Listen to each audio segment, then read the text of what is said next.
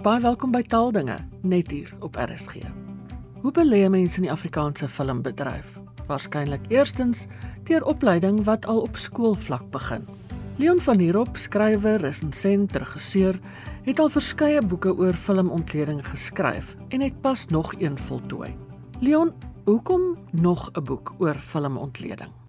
Die naam van die boek Ina's druk speel en uh, as jy na daai titel luister dan klink dit asof dit vir leerders geskryf is in skole want hulle het mos press play daai daai soort van ding. Ek het hoeveel kere by skole gaan praat oor belade verenkling wat voorgeskryf is vir skole al van omtrent 4 of 5 jaar en daar het ek begin agterkom dat die probleem nie noodwendig altyd by die leerder lê nie want onthou leerders is deesdae visueel baie meer geletterd amper as ons is hulle weet van alles hulle maak met self van hulle eie kortfilms ja. ek het agtergekom dat die probleem by sommige onderwysers lê want een onderwyser het byvoorbeeld vir my gesê ek wys 'n uittreksel of ek wys 'n episode uit 'n CP uit en dan moet die uh, leerder dit ontleed. Toe sê ek maar met 'n CP, dit is nie 'n film nie. Onthou dit is rolprent of filmontleding waarvan ons hierso praat. En dan sê hulle maar ons verstaan nie mooi byvoorbeeld in belade vir die enkeling hoekom jy dit en dat en dat gedoen het nie. Toe begin ek besef dat die onderwyser moet ook gehelp word. So druk speel gaan vir al vir die onderwyser, maar dit gaan ook vir die leerder. Ek het dit in 'n toeganklike taal geskryf, nie te akademies soos die ander twee was nie, maar in 'n toeganklike taal dat ek amper met die leerder en die onderwyser gesels en vir die onderwyser voorstel wat hy of sy kan doen om 'n sekere toneel of 'n sekere element vir die leerder te verduidelik. Nou moet ons onthou dat rolprente het gereedskap. Rolprente het ag ek noem maar 15 stukke gereedskap soos wat jy 'n hamer en 'n bytel en 'n saag en 'n skuurpapier het het hy soveel gereedskap waarmee hy sy storie vertel. En as jy na die film kyk dan moet jy besluit het die regisseur elke stukkie gereedskap gebruik? En ek moet dit vir Quentin Krog wat belade vir enkeling gedoen het ter ere nagee. En ek het met hom 'n onderhoud gedoen nou die dag. En hy het dit erken dat hy elke stukkie gereedskap gebruik het want die teks was ook so geskryf uh wat dan moontlik was om sy boodskap oor te dra. Noem net 'n paar stukke van hierdie gereedskap wat nodig is sodat mense wat nou nie met film werk nie net verstaan wat jy bedoel. Ek gaan dit nie in volgorde doen nie, maar eh, soos wat dit in die in die in die uh, boek ontleed word. Eerstens die draaiboek. Ons begin by die draaiboek. Jy moet vir jouself vra, byvoorbeeld as ons 'n toneel het, waar begin die toneel? Hoekom begin die toneel daar? Begin die toneel met Hallo Ina, wil jy 'n bietjie tee? Kan ek vir jou suiker gee? Miskien 'n bietjie melk? Jy begin nie 'n toneel so nie. Ek bedoel dis vervelig. Dit was in die ou dae so gewees, nie nou nie. Jy begin amper by die kruks van die saak. Met ander woorde, Hoekom het jy my geld gesteel? En dan gaan jy aan en soos wat daai toneel vorder, bereik hy 'n klein klimaks. Nou praat ek van daar seker 70, 60 tonele in 'n film. Hy bereik 'n klimaks en dan sal so effens van 'n afloop en dan eindig hy op wat ons noem 'n cliffhanger. Daar is regtig nie Afrikaans vir 'n cliffhanger nie. Uh so die toneel moet verander. Die begin en die einde moet sodoende verander en dis ook iets wat Frans Marx my geleer het. Is dat as as hy toneel nie verander nie, is hy nie nodig nie. Jy vra ek vir jouself, as ek die toneel gesny het, sou dit enigiets verander het aan die draaiboek? As die antwoord is nee, dan waai die toneel. So jy moet spesifiek kyk na die draaiboek. Dan kyk jy na iets soos dit klink nou baie baie geleerd mise en scène. Mise en scène is die verhouding tussen verskillende voorwerpe in 'n raampie. Met ander woorde, ek praat met jou, maar ek domineer jou. Kom ons sê nou maar ek is 'n dominerende man wat daarvan hou om jou te beheer. Dan gaan die kamera of die regisseur my wys as groter as jy. Ek gaan 'n bedreigende houding teenoor jou in die raampie inneem. Dis wat is die verhouding tussen die verskillende elemente, selfs as dit 'n koppie tee in 'n raampie teenoor wat gebeur. Ek het nou self aan 'n groot produksie deelgeneem en ek het gesien hoe ongelooflik baie moeite die produksieontwerper doen met wat op die tafel staan, hoekom wat waar lê, want ek het een keer per ongeluk met my elmboog aan iets gestamp en sy dadelik aangekom en het teruggeskuif en vir my gesê die rede hoekom daai ding daar staan is omdat dit 'n spanning skep met jou oog vlak, die manier wat jy na hom kyk. So moenie daaraan skuif nie. En die soort van goed probeer ek vir mense te laat verstaan dan baie belangrik die kinematograaf.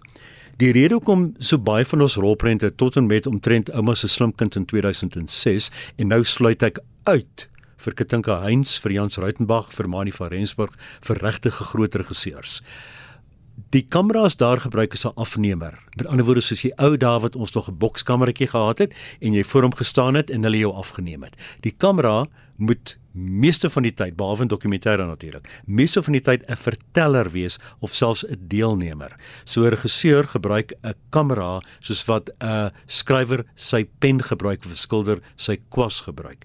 En dit is die ingewikkeldste deel. Ek kan nie nou eers begin om jou te vertel nie, maar dis die ingewikkeldste deel is om te kyk hoe die kinematograaf wat baie nou saam met die regisseur werk sy of haar kamera gebruik en waar die kamera is. Net een voorbeeld terwyl jy daar op die stoel sit, kan ek die kamera onder sit en jou van onder af afneem. Dan lyk dit asof jy bedreig word. Want hoekom is die kamera skielik onder? Maar soms kan ek die kamera heel bo sit en afkyk op jou en dit kan heeltemal 'n ander soort van 'n effek hê. So die regisseur moet presies weet en dikwels is daar 17, 18, 19 skote in een toneel en dikwels ek het dit nou self ervaar is die kamera elke keer op 'n ander plek en die regisseur het vir my verduidelik hoekom die kamera altyd op 'n ander plek is.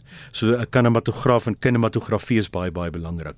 En dan natuurlik fokus. Wat is in fokus? Wanneer is die persoon uit fokus? Wanneer neem jy 'n toneel oor iemand se skouer af? Wanneer neem jy dit af sonder dat daar 'n persoon in die skerm is? So ek praat daaroor en ook hoekom is die pen waarmee jy skryf in fokus, maar jy's uit fokus? Miskien as dit 'n James Bond rolprent is omdat daar 'n bom in die pen is. Dis hoekom dit in fokus is. Dis nou maar eenvoudig simplisties gestel. So mens mens kyk daarna. Redigering is ook baie belangrik. Redigering is die enigste oorspronklike taal wat die rolprent medium gebring het na die kunsbedryf, kunstebedryf en alles was daar. Toneelspel, produksieontwerp, kostuums, grimering, alles was daar, maar redigering is die manier waarop een toneel 'n ander een opvolg. Ek staan by jou en ek skree vir jou en ek wil jou met iets gooi en die volgende oomblik sny ons na twee eiers wat 'n pan breek. Daai snit sê vir jou Hy het ek het miskien vir jou aangerand. Dis wat daar gebeur het en die eiers se lope loop, die gele van die eier loop. Dis redigering daai snypunt en dikwels lê die betekenis van 'n toneel in die snypunt. Dan musiek. Jy behoort te weet dat in vreeslik baie rolprente, kom ons sê nou maar soos Spider-Man of soos Black Panther, is die musiek so oorheersend dat jy amper nie by die karakters of die storie uitkom nie, want dit is gemaak vir jong gehoor wie se sinne die hele tyd van een plek na ander spring. Hulle kyk na sewe goed te gelyk wanneer hulle na iets kyk en die musiek vergroot dit. Maar as jy na 'n Daniel Day-Lewis rolprent kyk en jy het hierdie fenominale akteur wat onderspeelde spel lewer, het jy nie nog 'n klomp musiek onder sy spel nodig wat jou aandag gaan aftrek nie. So, watter rol speel musiek? Watter rol speel klank? Hoekom uh hoor 'n mens soos wat ek nou gaan doen? Die pen wat hard neergesit word en die pen wat sag neergesit word. Hoekom doen ek dit? Dis sulke elemente wat in die boek voorkom. Grimering, uh, hoekom is die vrou se lippe so rooi? Baie keer in film noir het, het rooi verleiding aangedui. Die kostuums wat hulle dra, pas die kostuums by die by die karakter. As jy iets gebruik wat in 1872 afspeel, is elke liewe dingetjie korrek of as jy dink 'n Heinz se paljas doen, hoekom is die grimering en die uh kostuums so eenvoudig want ons praat van eenvoudige mense. Laastens kyk 'n mens na iets soos toneelspel en regie. Toneelspel en regie is die moeilikste van alles om te verduidelik want ek dink nie mense wat nog nooit 'n befilmstel was weet wat grimering is nie. Ek kan vir jou byvoorbeeld nou sê Ina, jy knip jou oë te veel. Sweet of jy voel nie in jou hart dat jou ma nou pas oorlede is en jy haar onthou nie, jy sê dit tegnies op. Die rede hoekom jy dit anders moet doen is dit en dit en dit en dit is die karakter se motivering.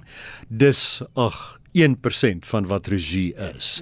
In toneelspel daar is soveel verskillende toneelspelstyle dat jy mens moet kyk, speel die persoon vir die kamera, speel die persoon vir radio, met ander woorde deur te spesifiek en te presies te praat en elke woord te vorm of praat hulle natuurlik soos wat ek nou probeer om te praat.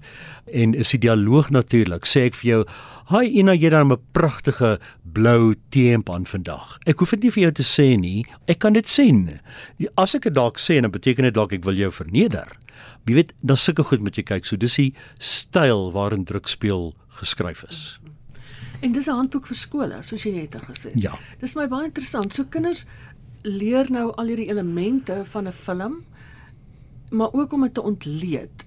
Vertel my kortliks hoe ontleed 'n mens 'n film? Jy vra altyd vir jouself die vraag af: Hoekom het die regisseur daai besluit gemaak? Hoekom het die akteur besluit om in daai spesifieke styl te speel? Hoekom het die produksieontwerper 'n lesenaar propvol goed gemaak of hoekom is die lesenaar heeltemal leeg? Kom ons sê maar as 'n psigopaat wat glad nie belangstel in die werk wat hy of sy doen nie, dan sal sy of haar lesenaar moontlik heeltemal kaal wees so, om dit weerspieël die persoonlikheid van die karakter. So jy moet vir jouself altyd afvra hoekom en waarom. Jy moet nooit ophou om daai vrae te vra nie. Daarom is om fliek toe te gaan, om 'n fliek te kyk vir my 'n avontuur, want selfs al sien ek 'n baie swak fliek, sal ek steeds die hele tyd kyk na wat die regisseur gedoen het en wat verkeerd geloop het. Soms is wat verkeerd geloop het net so interessant as wat reg is. Dis so maklik om altyd te sê, oh, "Die spel is fenomenaal." Al daai klisjées wat mense so graag gebruik. Maar sodra jy iemand se spel kritiseer, dan moet jy 'n baie goeie rede hê hoekom jy sê wat verkeerd is. Ons kyk na Hannibal Lecter in The Silence of the Lambs en jy kyk hoe absoluut medoonloos kil en presies hy sy dialoog gee, maar sy oë pas by sy dialoog aan. So dis dis die manier eintlik maar baie kortliks gestel hoe jy 'n film ontleed en weer eens die eie ek en dit geld vir resensies veral en ek sien dit in 60% van resensies steeds. Ek self is omskuldig daaraan om die ek die eie ek so belangrik te maak. Ek het nie van die film gehou nie. Ek het dit en dat gedink. Jy is nie belangrik nie. Jy's die tussenganger tussen die gehoor en die film. Dieselfde as jy die rolprent ontleed as 'n as 'n leerder. Is jy moet nugter na die toneel kan kyk en nie toelaat dat jou eie emosies of jou eie vooroordeele of wat ook al in die pad kom van die ontleding van die film of wat jy vir die regisseur probeer voorskryf hoe jy dink hy of sy die film moes gemaak het as jy 'n leerder is wat 'n film ontleed nie. Jy kan byvoorbeeld sê ek dink die regisseur se regie was te bombasties in sekere intieme tonele.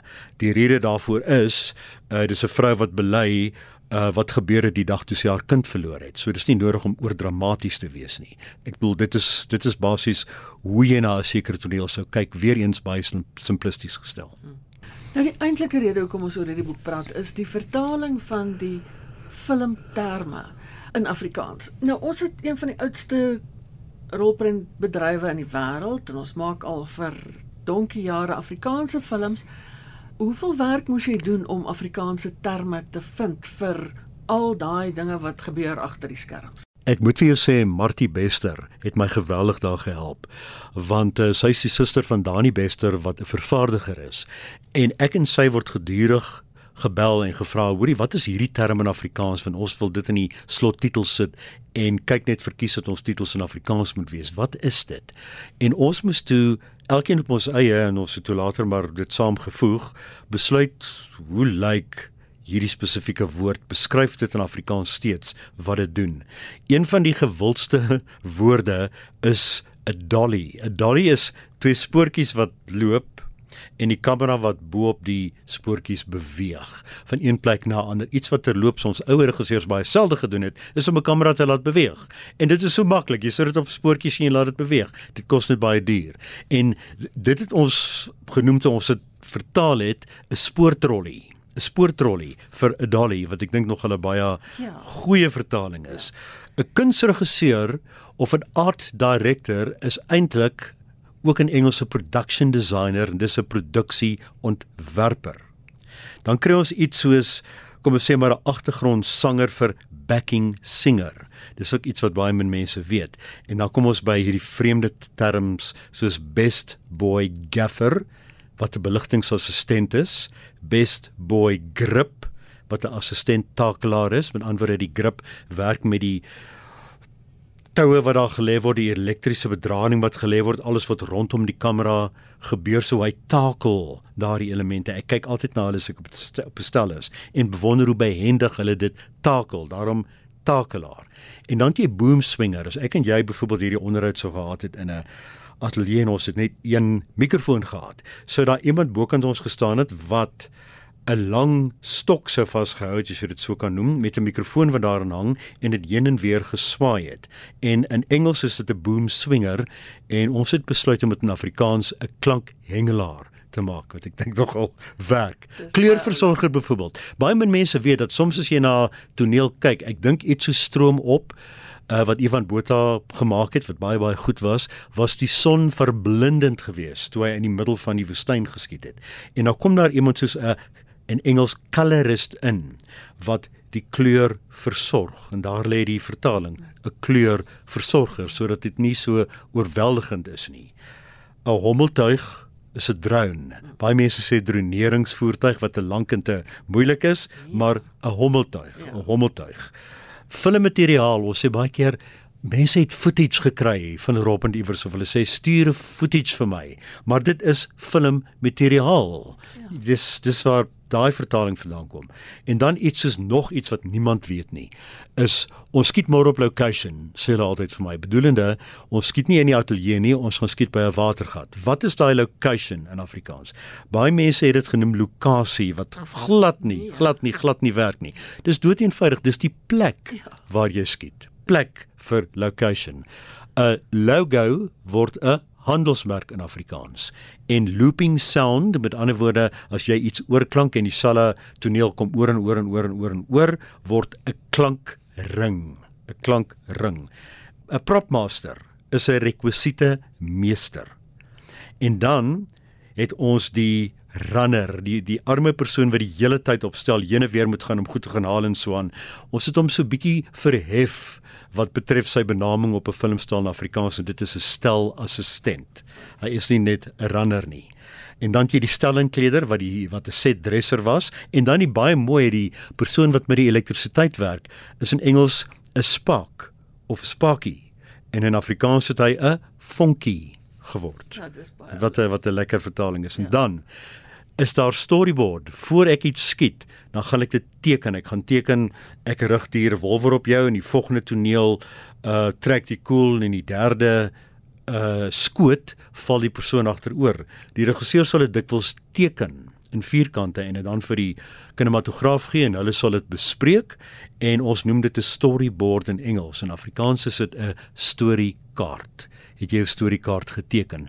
En dan het ons tracking shot wat mense die meeste kry en dis 'n kamera wat so gly ook veral wanneer hy op 'n spoortjie beweeg. En dit is in Afrikaans 'n gly skoot en trailer. Ek is so moeg dat mense die hele tyd praat van het jy die trailer gesien van dit of dat. Dis tog die lokprent ja. in Afrikaans. Ja. En die eenheidsbestuurder kom van is unit manager dis maar enkele van die goed wat ons vertaal het wat baie moeilik is om te vertaal Ek weet op 'n stel gaan geen mens praat van 'n spoortrollie nie. Hy gaan sê het jy die dolly al gelê? Die dolly dolly tracks al gelê.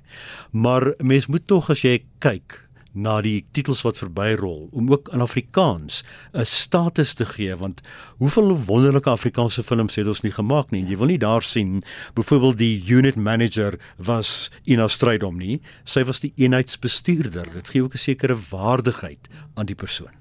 Ja, want ek moet vir jou sê in ek het al in ouer flieks gesien dan staan daar die produsent en dit moet tog sekerlik die vervaardiger vervaardiger wees. Dis 'n vervaardiger. Vreeslik baie mense sê vir my, "Wat is die produsent?" dan sê ek, "Ek weet nie." 'n Produsent, praat jy van 'n producer? Dan sê hulle vir my, "Ja, dan sê ek maar 'n producer is 'n vervaardiger." Dis die persoon wat vervaardig en terloops indruk speel, verduidelik ek kortliks want dit sal vir hulle te lank wees en te vervelig wees om te weet wat 'n vervaardiger doen, maar jy is self 'n vervaardiger gewees wat radiodramas betref. Meeste van die werk gebeur agter die skerms, meeste van die groot werk gebeur in pre-produksie en word deur daardie persoon spesifiek gedoen. Ek hoop dat die boek mense gaan inspireer om dalk ook tot die filmbedryf toe te tree en te besef om 'n film te werk beteken nie noodwendig jy skree aksie of jy gee jou handtekening as almal jou in Pretoria in 'n mall herken nie. Daar is soveel ander aspekte van film waarop jy jouself kan toespits en waar jy kan werk soos redigering, soos klank, soos beligting, soos 'n takelaar. Dat dit is almal baie baie belangrike elemente en ek sê spesifiek in die boek dat as jy toneel doen en ek onthou in die in die produksie wat ek gedoen het was daar 15 mense betrokke by een skoot En as een van daai 15 mense nie daar was nie, was daai skoot nie reg nie. Sodat mense begin besef hoe belangrik is wie agter die skerms is en hoe 'n mens hulle moet bewonder vir wat hulle doen en dat jy ook daardie werk kan doen en nie noodwendig net 'n akteur kan wees nie. En so kan ons belê in die Afrikaanse filmbedryf. Absoluut en om nog verbeter en nog beter maak want wat deesdae gebeur is, die nuwe Afrikaanse regisseurs eksperimenteer. Hulle vat daai klisee van grensverskuivend, maar elke nuwe Afrikaanse film wat ek deesdae sien, verskuif die grense verder en verder en verder en doen iets meer nuut, iets meer gewaagd, maar motiveer gewaagd en iets meer innoverend. Leon ten slotte drukspeel uitgegee deur Lapa. Wanneer kom dit uit? Dit gaan November op Irak wees en in November by skole wees, maar natuurlik van volgende jaar af sal mense dit regtig kan gebruik, maar dit word reeds nou vir hulle gestuur sodat onderwysers nou kan begin voorberei aan hoe hulle rolprente volgende jaar gaan ontleed. En ek het 15 resensies geskryf. Nie om verleerders te leer hoe om 'n resensie te skryf nie, maar om hulle te wys waarna kyk jy wanneer jy 'n rolprent ontleed. Dit was die skrywer en rolprentkenner Leon van Heerop. En dis dan al vir vandag. Geniet die res van die Sondag in RSG se geselskap. Bly veilig, bly gesond en van my Ina Strydom groete tot 'n volgende keer.